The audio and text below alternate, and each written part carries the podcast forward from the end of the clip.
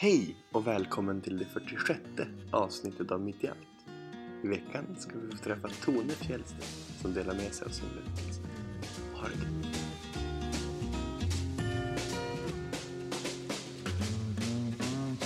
Slow down, you move too fast. You got to make the morning last. Just kicking down the cobblestones, looking for fun and feeling groovy. Hej Tove, Hej Fredrik. hur är läget? Bra, tack. Eh, börjar som vi brukar. Hur har din sista vecka sett ut? Mm, den har varit väldigt lugn. Eh, Jag har haft influensa sen förra veckan. Så att, och sen hade jag tenta i fredags. Så att det var väldigt mycket sådär och bara ta det lugnt och sitta och läsa och försöka överleva. Du säger alltså att, att plugga, tentaplugga är att ta det lugnt. Ja, alltså man gör ju inte så mycket mer än att man sitter och läser och övar på uppgifter. Och, Mm. Men för min, min känsla är att, att det ofta är förenat med stress och, och eh, inte att man, att man fastnar kring lugnet i tentaplugget. Ja, jag förstår vad du menar men alltså jag kan ju vara stressad innan jag börjar plugga men när jag väl pluggar och vet att jag har en plan och, och det jag ska kunna då, då går det som på räls. Då är det ju nästan skönt tycker jag att plugga. Det är ju så, jag gillar ju, jag tycker ju att det är som roligt med skolan, jag alltid tyckt det. Så att det är mer som en hobby ibland. Det är ju fantastiskt. Man kan ju Ja. bli lite avundsjuk på den känslan. Att, att pluggandet kan ge lugnet. Det har, så har det aldrig varit för. Ja, det känner jag inte igen. Men det är väl fantastiskt. Så du ska tenta och tentapluggade med influensa. Ja, Och det gick bra. Ja, jag tror det, jag hoppas det. Det var kanske lite jobbigt på själva tentadagen och ta sig upp och parra sig dit och, och sen sitta där och snora och nysa och i fyra timmar och bara försöka skriva klart tentan. Så att det var mer synd om alla som satt och skrev med mig än, än om mig kanske. Ja, men det är, När man är sjuk så är man ju sällan på topp. Ja, jag vet, Jag tänker att det ska vara svårt. Men eh, när får du tillbaka den? vet inte, kanske någon vecka eller två. Jag hoppas det gick bra då. Vad är det du pluggar? Jag läser till civilekonom. Så att eh, det är fyra år. Ehm, Jag läser mitt tredje nu. Så att typ ungefär ett och ett halvt år kvar. Känsla? Ja men det känns bra. Det är roligt och som sagt jag tycker ju om skolan så att det är, det är mest roligt bara. eh, när du är klar om ett och ett halvt år, eh, blir det en mer avancerad studie då? Eller blir det jobb? Jag tror att jag ska jobba då. Um, får se om jag får något jobb. Det ska väl vara den också. Mm. Ehm, men jag hade tänkt att jag ska jobba ett tag då. Jag börjar känna mig lite less på skolan ändå. Det brukar jag faktiskt inte vara men Du gjorde aldrig något uppehåll efter gymnasiet? nej, jag började direkt. Och sen vill jag ju plugga så himla mycket annat också så att Okej. jag vet inte riktigt när man ska få tid med allt man vill göra. Ja, men vad vill du, vad vill du, eh, vad annat hade du plugga? Men typ, jag vill läsa biologi eller kemi, alltså sådana där ämnen jag tyckte var roliga på gymnasiet. Ehm, Vad gick du? men jag läste natur på engelska. Ja. Naturvetenskapligt på gymnasiet men ändå en, en universitetsutbildning kopplad mer till eh, humaniora och samhällssidan. Hur, hur blev det så? Alltså jag tror att jag hade så mycket panik när jag skulle gå ut gymnasiet. Så man visste inte riktigt vad man skulle göra och det känner väl de flesta av. Mm. Ehm, men eh, då tänkte jag att ja, men då pluggar jag för att det tycker jag som ändå är kul. Men sen vet jag inte riktigt vilket ämne så då blev det som bara ekonomi. Ehm, och då, alltså jag har ju sagt det att det här ser jag ju som typ en, en paus innan jag faktiskt ska plugga eller jag faktiskt ska göra någonting. Sen så förändras det ju klart och nu kan jag ju se att jag kan jobba inom ekonomi och så. Mm. Jag tycker att det är ett roligt ämne. Ehm, men man kanske så här innan man väl började på universitetet fundera på ja, men, vad vill jag faktiskt bli eller vad liksom vad är mitt liksom stora intresse, vad kan jag verkligen brinna för? För jag tycker det här är kul, men när jag träffar människor som, som brinner för ekonomi eller för sitt ämne, liksom spelar roll vad det är, då inser jag ju bara, jaha, det är kanske så man ska tycka. Ehm, Men jag tycker att det är roligt, så att det, det känns ju inte som att jag slösar bort min tid heller. En paus innan du börjar plugga det du ska göra. Skönt. Eh,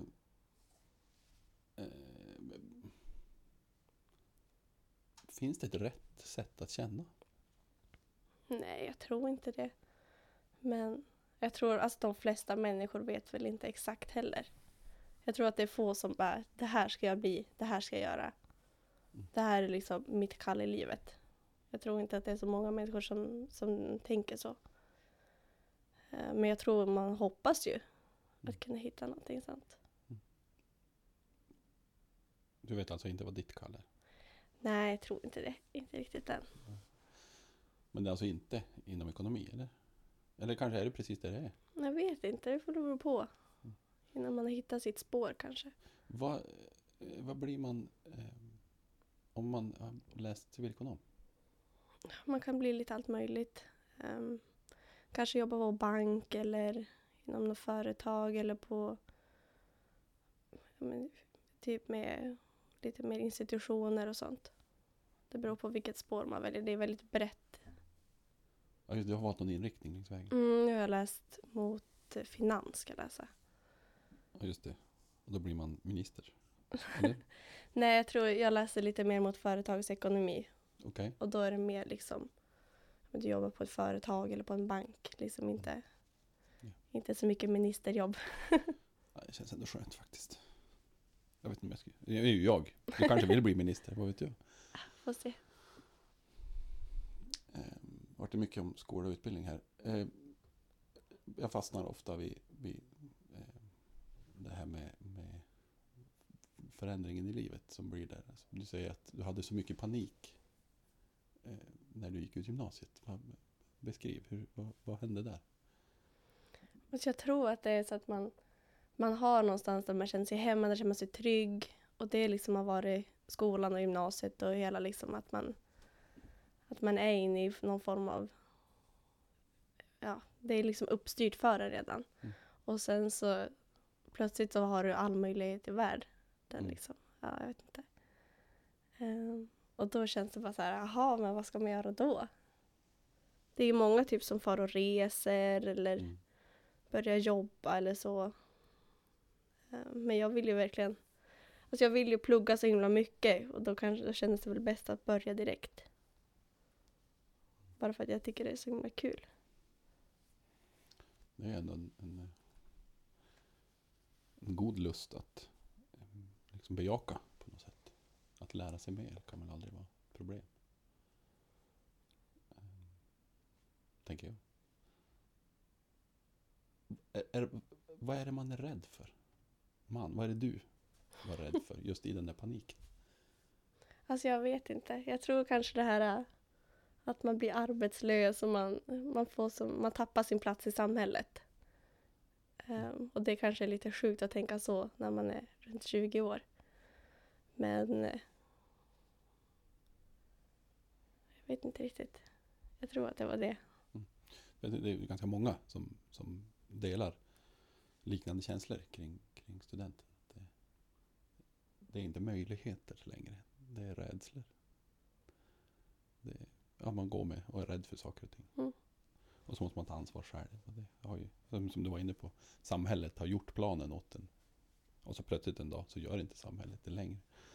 Det är en intressant brytpunkt i livet.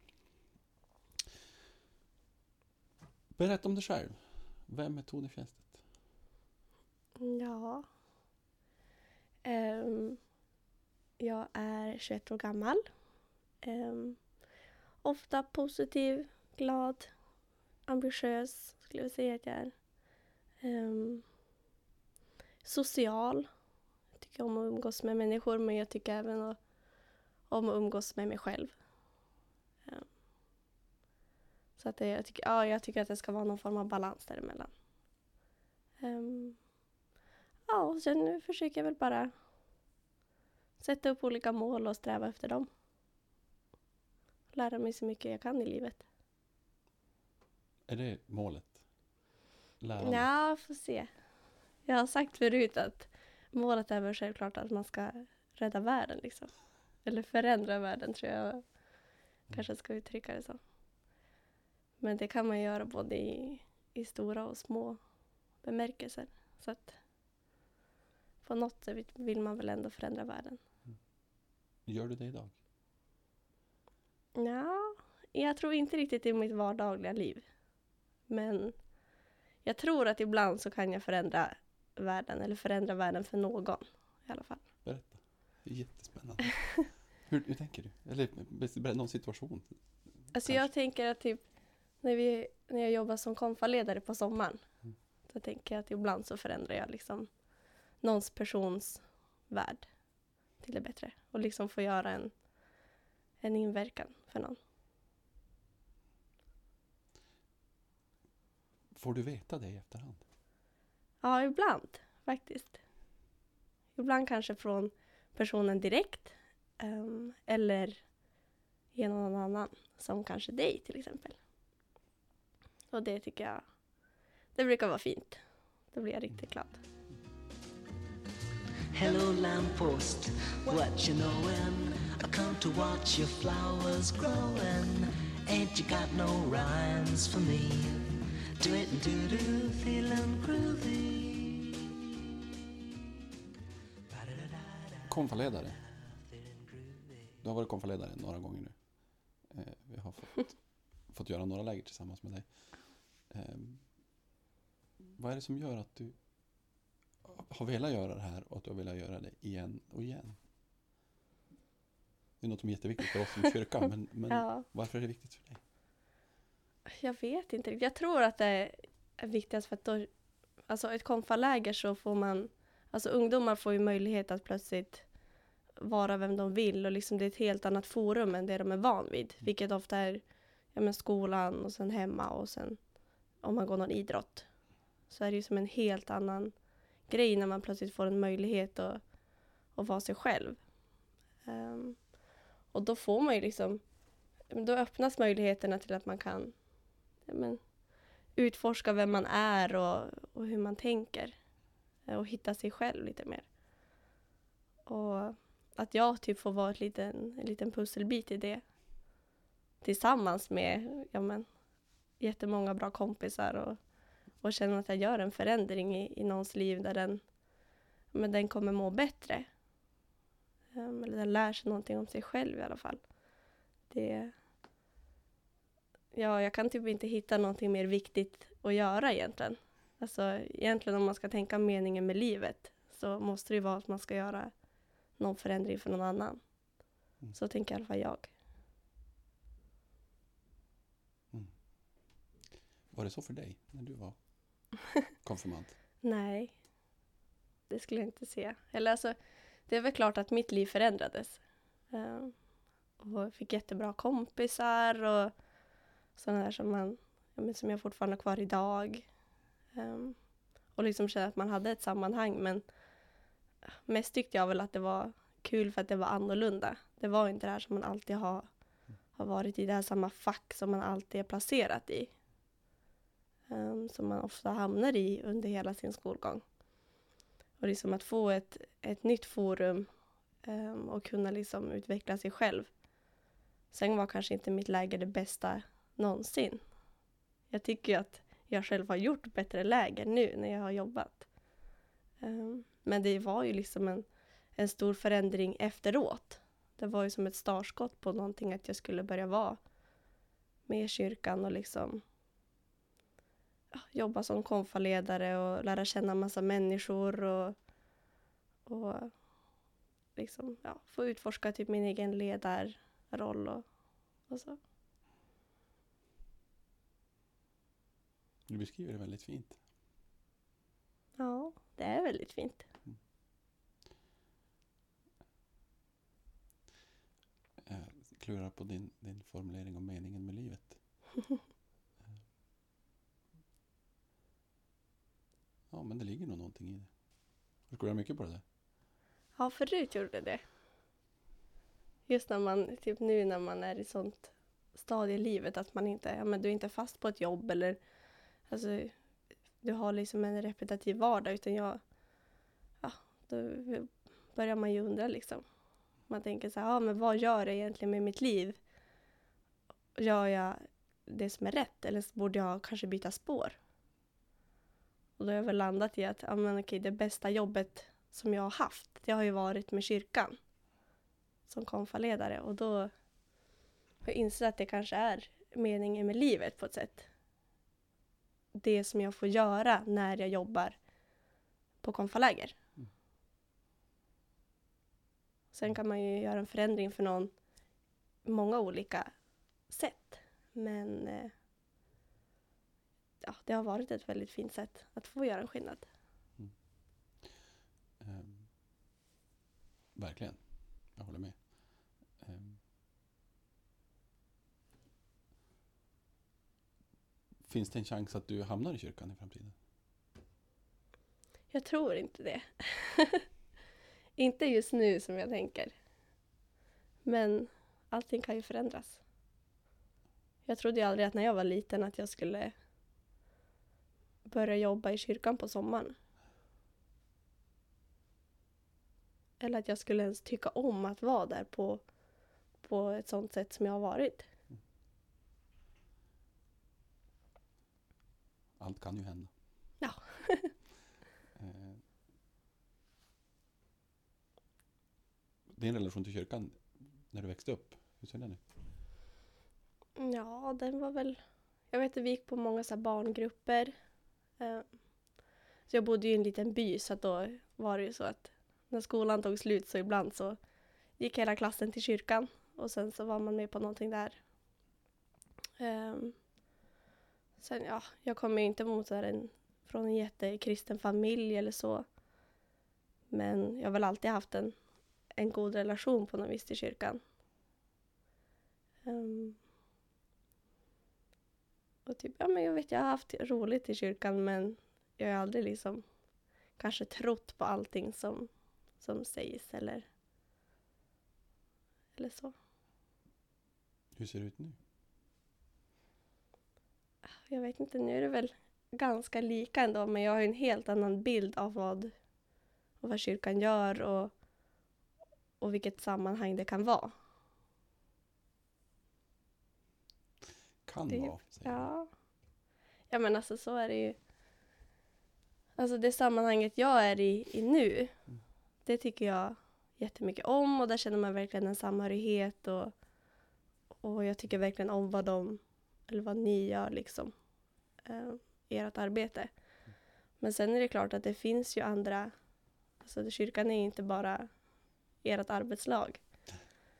Ehm, och det finns ju mycket mycket annat som sker också som jag kanske har lite svårare att relatera till. Men jag vet ju att det görs väldigt mycket gott i kyrkan. Mm. Men jag har inte vetskap om allt heller som sker. Nej, Nej, så jag ska nog kanske inte uttala mig heller allt för mycket. Man får uttala sig om sitt sammanhang. Precis. Eh, Du var också inne på det här med ledarskap. Minns inte, vad sa du, träna dig, eller öva ditt ledarskap, eller utveckla ditt ledarskap. Eh, Hur, vad är du för ledare? Vem, vem är du som ledare? Jag vet inte. Det borde jag kanske veta vid det här laget. alltså jag tror att jag är ganska, alltså det beror på vilket sammanhang. Men jag tror att ledarrollen kommer ganska naturligt för mig på ett sätt. På gott och ont kanske. Ehm, men ja, jag vet hur det har varit i, alltså på konfaläger så har jag som varje år tänkt att ja, i alla fall i början tänkte jag alltid så att ah, okej, det här året så ska jag öva på det här. Um, så att jag känner att det kan jag lägga till liksom i min ledarroll. Och sen har det blivit så efter sommar och, och sommar så, så känner jag ändå att ja, men nu, nu är min ledarroll ganska, liksom, jag kan vara ganska mycket. Ehm, Den kan vara väldigt flexibel. Och det tycker jag är positivt och så vill jag att det ska fortsätta vara. Jag vill göra min ledarroll ännu mer flexibel. Så jag känner att jag kan vara att jag kan vara trygg i så många sammanhang som möjligt. vilka sammanhang är du tryggast? Jag vet Eller inte riktigt. Ja. Jag vet inte faktiskt. Eller finns det något där du känner att här är jag inte trygg? Nej, inte direkt. Jag tror, jag vet inte, jag kan inte komma på något. Så skönt. Ja, men jag har jobbat väldigt mycket med min ledarroll också.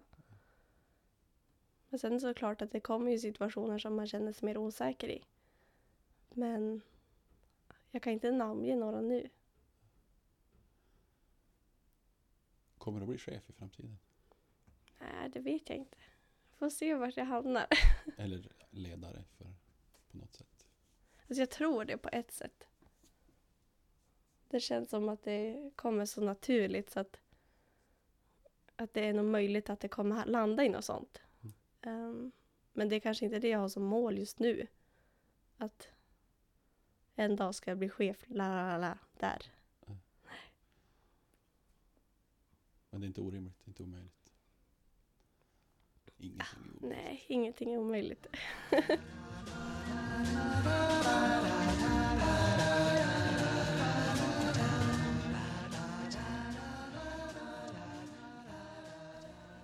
Nu byter jag spår helt och hållet. Eh, du har ju funnits i våra sammanhang i några år och den här podden har funnits i några år. Eh, och eh, jag har frågat dig tidigare om du vill vara med. Eh, och du har nekat. Varför har du valt att vara med i den här podden just nu? Ärligt så är det bara för att du ska sluta tjata. Nej, men jo, det är faktiskt ganska mycket av sanningen. Men bara- sen är det klart att det är ju väldigt speciell, alltså, alltså det är väldigt intressant. Hela det här konceptet och själva argumentet bakom den här podden står jag ju som bakom. Att alla har en, en historia att berätta. Men jag har aldrig liksom kunnat sammanfatta min historia. Det tänker jag liksom, jag är ofta sån, jag vill vara typ väldigt förberedd och, Mm. och känna att jag liksom har koll på situationen.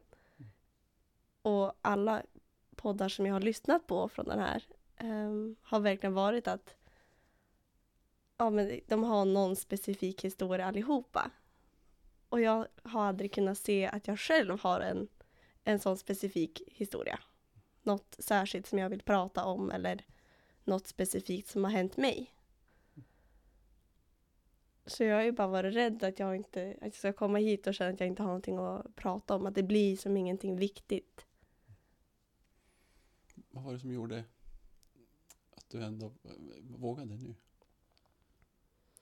Jag vet inte, men jag, jag tror att det har landat ehm, lite mer. Jag vet, det var ju flera, flera år sedan som du frågade mig första gången. Och sen har man ju, det är klart, jag har ju lyssnat genom åren och, och alltid funderat på ah, vad ska jag svara på den frågan och, och undrar egentligen vad man skulle säga där. Ehm, men jag har alltid varit liksom så tänkt, nej men det är inte för mig, för det är ingen som kommer tycka att det jag säger är intressant. Ehm. Men ja, nu har det väl landat lite mer. Jag är lite äldre, lite visare. jag bryr mig inte lika mycket heller om vad andra tänker och tycker. Oj, det är en jätteintressant resa. Hur, kan du berätta mer? Vad hände? Vad kände du? Jag vet inte. Alltså, in, alltså ja. Tidigare har jag väl tänkt att jag...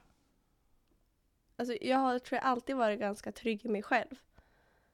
Men det är ju klart att självförtroendet har ju ökat under åren som har gått. Det är klart. Men jag kommer från ett ganska... Jag menar, ett tryggt sammanhang sedan tidigare när jag var yngre. Liksom. Det har aldrig varit att jag känt att, att jag varit i ett otryggt sammanhang egentligen.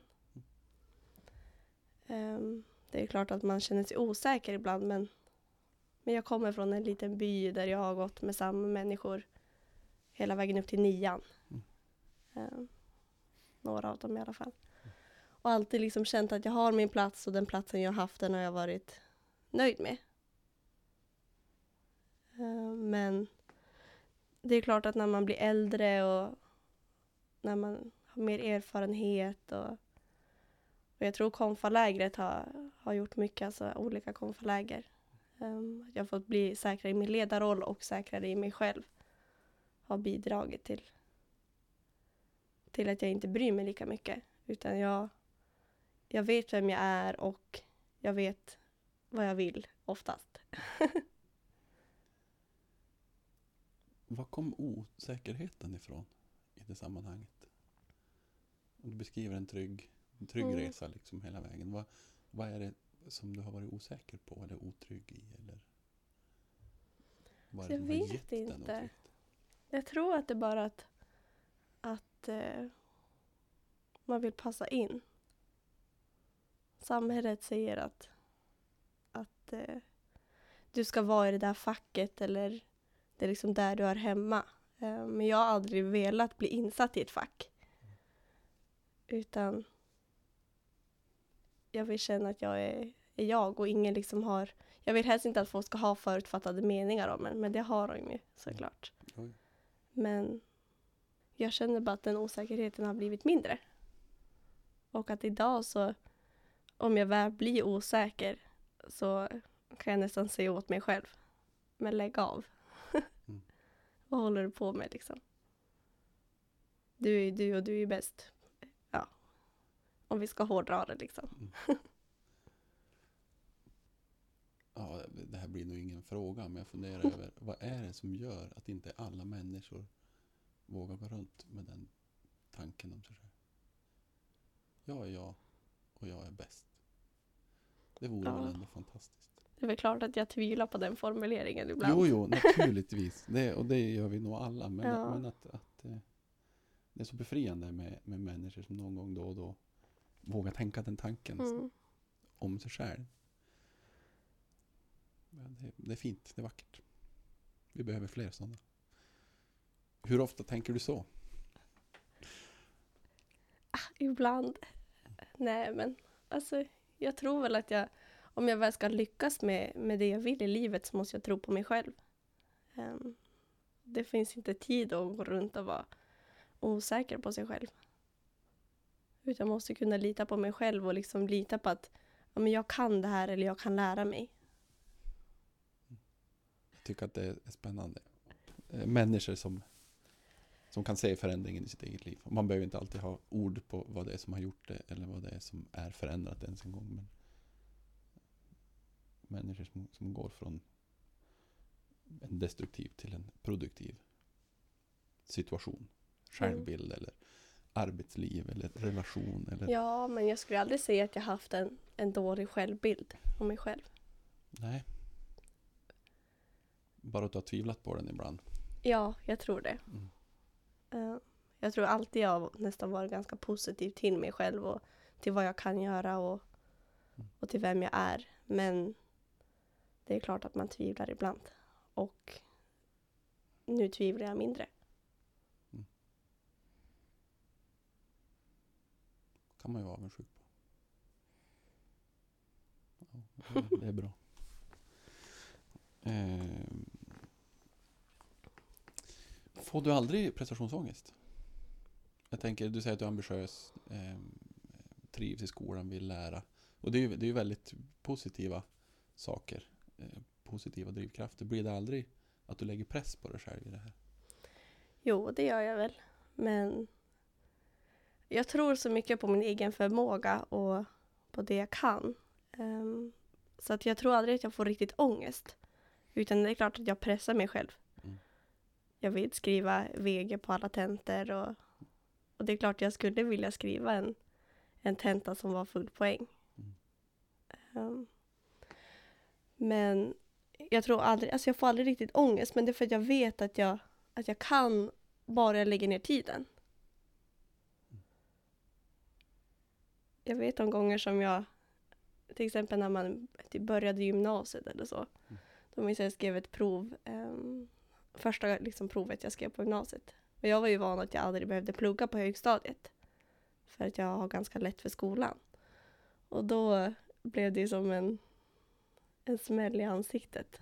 Där man bara, oj, kan man få ett betyg som är lägre än, än vad jag brukade ha. Men sen är det klart att då vände det där för då insåg jag att ja, men då kanske jag måste börja plugga lite. Um, och sen insåg jag att ja, men det går ganska bra. Och då höjer man ju sina standard, sin standard liksom. Och då blir ju det liksom det nya, det normala, att man ska skriva ett, ett visst betyg. Men jag känner aldrig riktigt att, att jag pressar mig själv till det. Att jag får ångest liksom. Du gör en plan och så följer du den. Ja. jag vet, det låter väldigt sjukt. Nej, det låter väl ganska klokt. Men om det är något som stör den planen då? Ja, Jag tänker om du skulle råka få influensa under en tentapluggperiod. Och jag tänker, nu gick det kanske bra ändå. Men, men om- om, det är något som, som påverkar den här planen som innebär att du att det går sämre än vad du Mm. skulle vilja. För, vad gör du då? Hur påverkar det dig? Jag vet inte. Det har aldrig hänt. Um, alltså det är såklart det har hänt saker i livet som har varit typ väldigt jobbiga eller, eller så. Men då jag tror jag prioriterar ändå skolan så himla mycket. Um, eller liksom att det jag... Jag brukar säga att det jag väl har, har tagit mig för eller tagit mig an, det måste jag slutföra. Jag har något fel, har jag insett.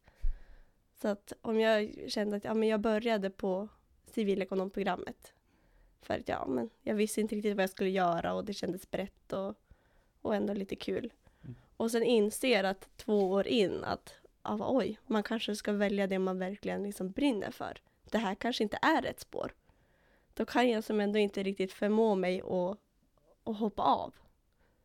Utan jag känner att jag har tagit mig an någonting och då vill jag avsluta det. Jag måste avsluta det. Och det är samma sak om jag har en tenta om en månad. Då vill jag kunna avsluta det.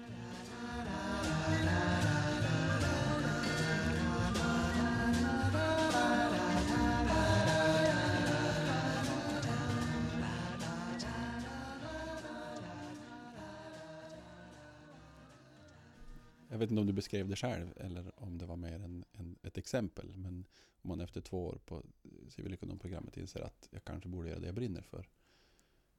Om du nu inte brinner för civilekonom, vad brinner du för? Jag vet inte. Det är det jag inte vet än.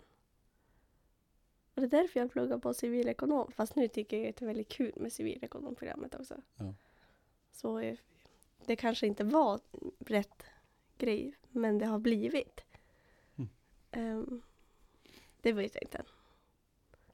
Får se när jag väl börjar jobba vad, om det jag känner att jag trivs med det jag gör. Hade du något alternativ när du sökte in? Alltså något annat du klurade på? Vad, vad. Och Jag har alltid velat bli veterinär. Så grej sen jag var liten att, att jag skulle ha blivit veterinär. Jag tycker jättemycket om djur och har alltid gjort det. Men det är ganska svårt att ta sig in på veterinär. Då måste man flytta till Uppsala också. Har du djur? Mm, nej, inte längre. Inte nu när jag bor själv. Men mina föräldrar har ju hund och min syrra har katt.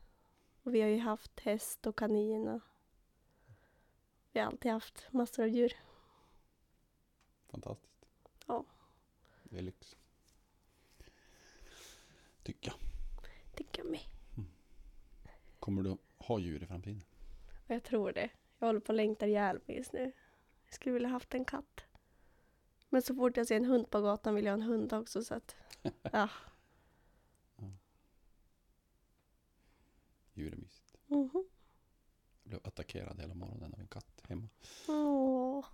Var jag, gick Jag så såg att du hade en. Ja. Men har du köpt den? Ja, nu i höst. De var så här lite. Du kan få en kattunge sen. Ja.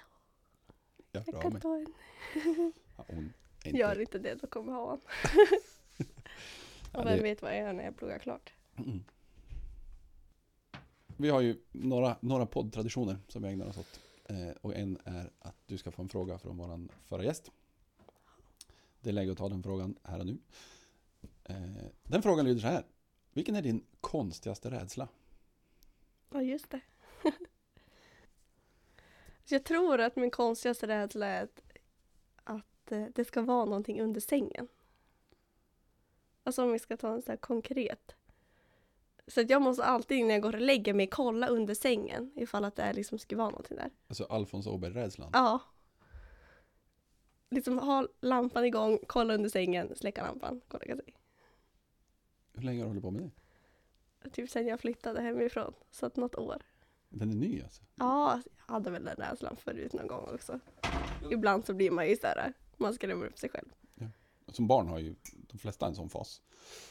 Där man är, jag tänkte att den var kvar ända sedan dess. Men det är skönt att du har sluppit det. Ja, den hade jag säkert då också någon gång. Men det är mer nu när man bor, bor själv.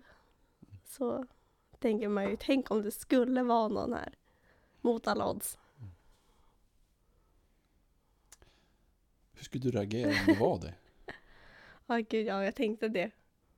Då hade det varit kört. Ja. Rent kört. Ja, gud. Då... Nej, då hade det varit kört. Skulle du våga bo kvar i, i, i bostaden? Jag vet inte. Alltså jag har ju hört såna här, man har ju läst om så här skräckexempel. Att det är någon som har bott i ens lägenhet i tio år och det har försvunnit mat ur kylskåpet. Och, I tio år? ja, den har bott under sängen. Det har ju varit sånt som har stått på Så nyheterna. Ja. Det är den stora rädslan man har. Ja, jag skulle flytta därifrån. Ja, gud. Du ska också få ställa en fråga till nästa gäst. Mm, just det. Har du någon på gång? Alltså jag hade sån panik igår. Så jag bara skickade till allihopa. Hjälp, hjälp, hjälp. Fick ingen hjälp alls. Nej, dålig stil. Mm. Nej, men jag tror att... Jag måste tänka. Ta din tid.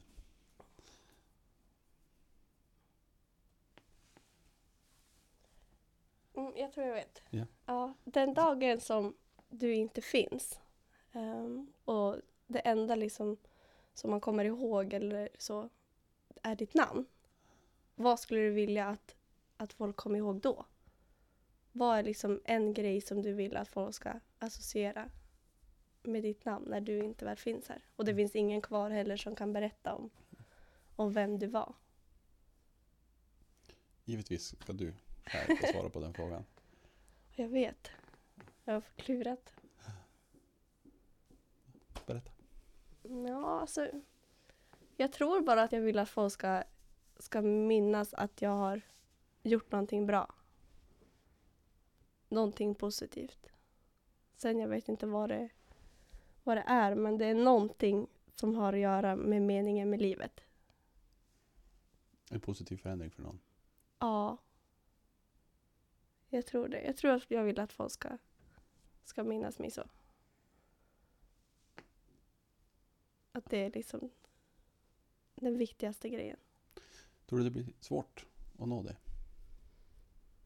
Jag- Ja, jag tror det.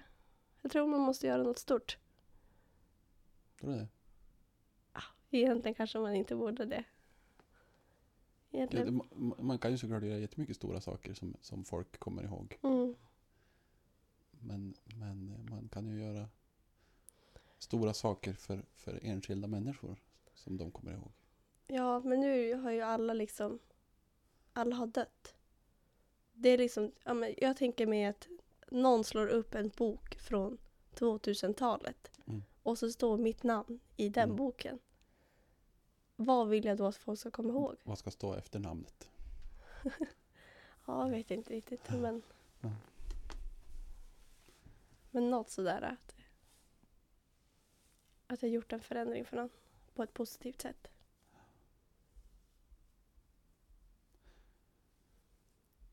Ja. Det, går ju, det går ju att nå om, om man glömmer bort Mm. det där arvet över tid. Ja, precis. Eh, alltså, här och nu kan man ju vara någons förändring. Precis, det är väldigt svårt. Mm. Och det kanske svårt att tänka sig det också. Att man är någon gång i framtiden, när man inte längre finns. Att man är någonting mer än bara ett namn. För det är ju fullt möjligt att man blir också bara ett namn. Är det viktigt för dig att vara mer än ett namn i Ja.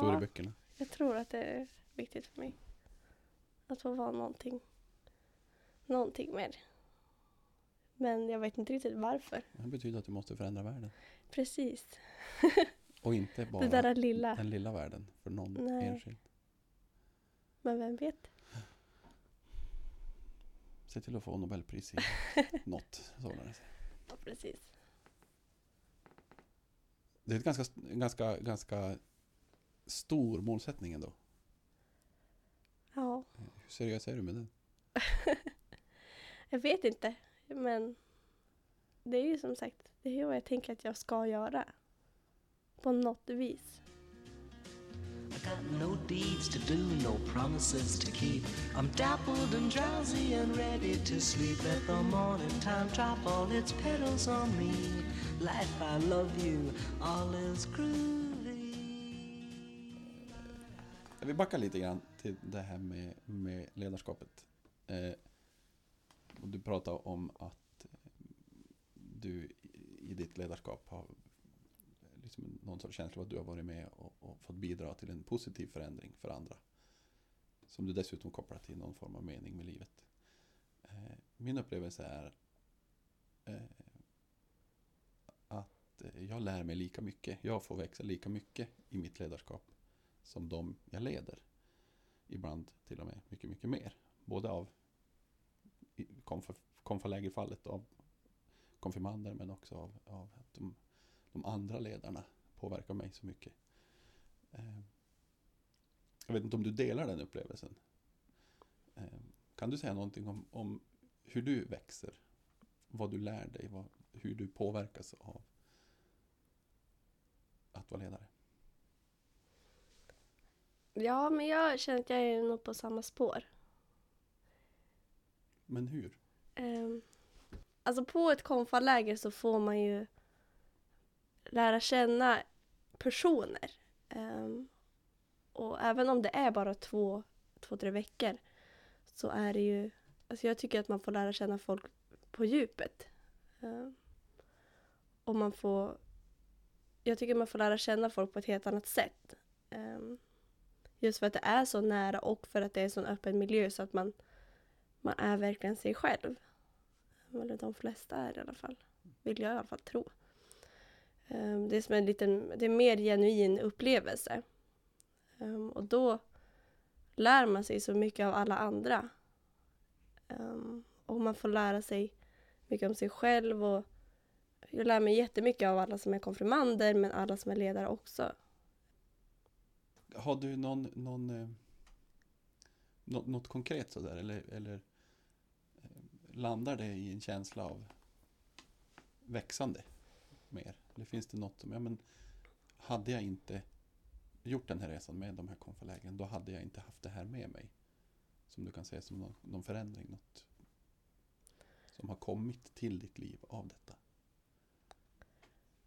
Mm. Alltså jag, jag vet inte om jag kan säga konkret, men men det har gjort en väldigt stor förändring.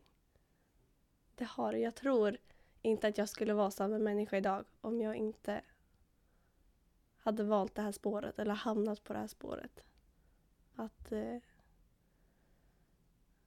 att få jobba med så många fina ungdomar och få göra en sån skillnad ändå. Um, och de har ju verkligen förändrat hur jag är och hur jag ser på mig själv. I början så när vi skulle gå ledarutbildningen så var det jag och några fler från min konfa. Och vi valde ju bara det här för att vi ville fortsätta umgås. Mm.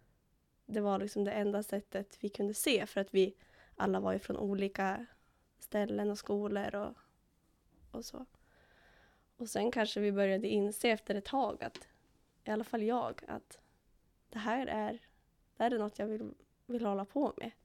Det här är jättegivande och, oj vad jag lär mig om mig själv och vad jag lär mig om andra människor och, och, och liksom om samhället och världen och, och allt. Det känns som att jag lär mig jättemycket. Och det är jag fortfarande så fort jag är i ett sånt sammanhang.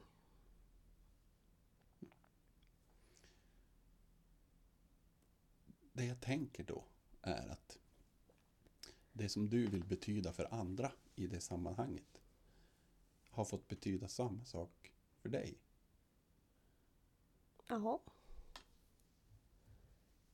Jag tror det.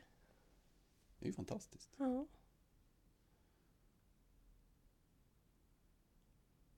Och det, är- alltså, det tror jag inte de flesta förstår. Ehm, jag tror att många kan tänka sig att men om vi säger att du är en konfirmand. Jag bara kliar lite. Jag är lite rörd. Jag kliar mig. Nej, men eh, jag tror inte att folk förstår att, att de gör en sån stor inverkan på mig. Ehm, när det är jag som ska ja, göra en inverkan på någon annan. Ehm, det är liksom mitt jobb att tillsammans med andra göra världens bästa läger och, och ge liksom unga en möjlighet till att utvecklas och att liksom det är deras möjlighet. Mm. Men jag har så mycket att, att tacka kyrkan för och, och hela det här sammanhanget. Och jag tror verkligen att jag har gjort mig till en bättre människa.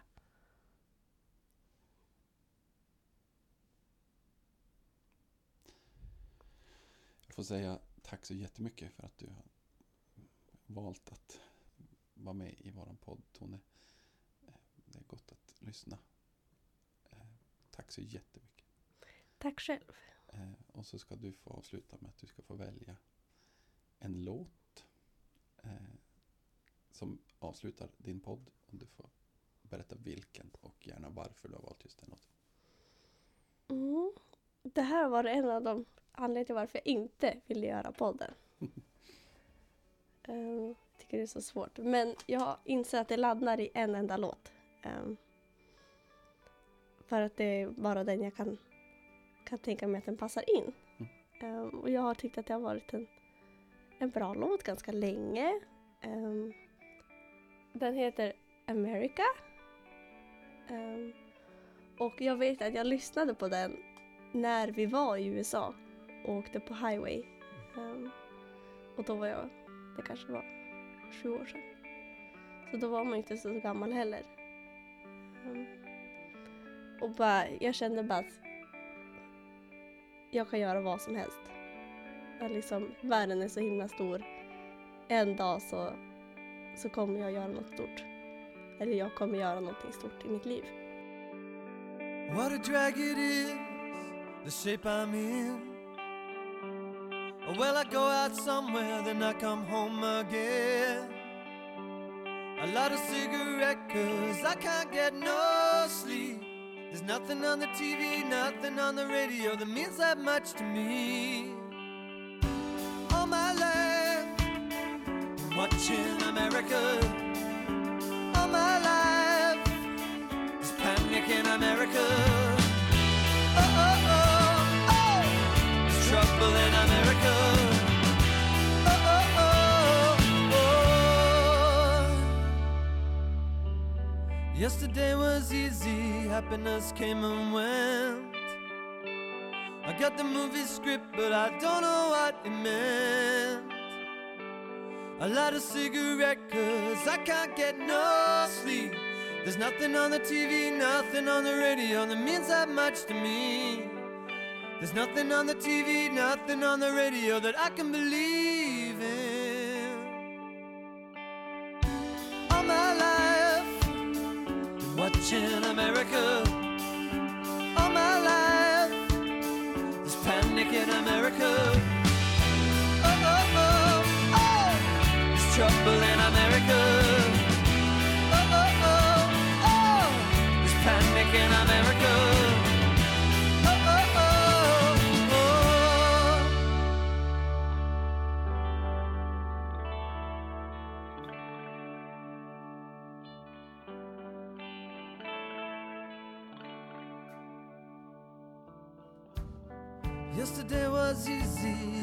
got the news. Oh, when you get it straight, you stand up, you just can't lose. Give you my confidence, all my faith in life.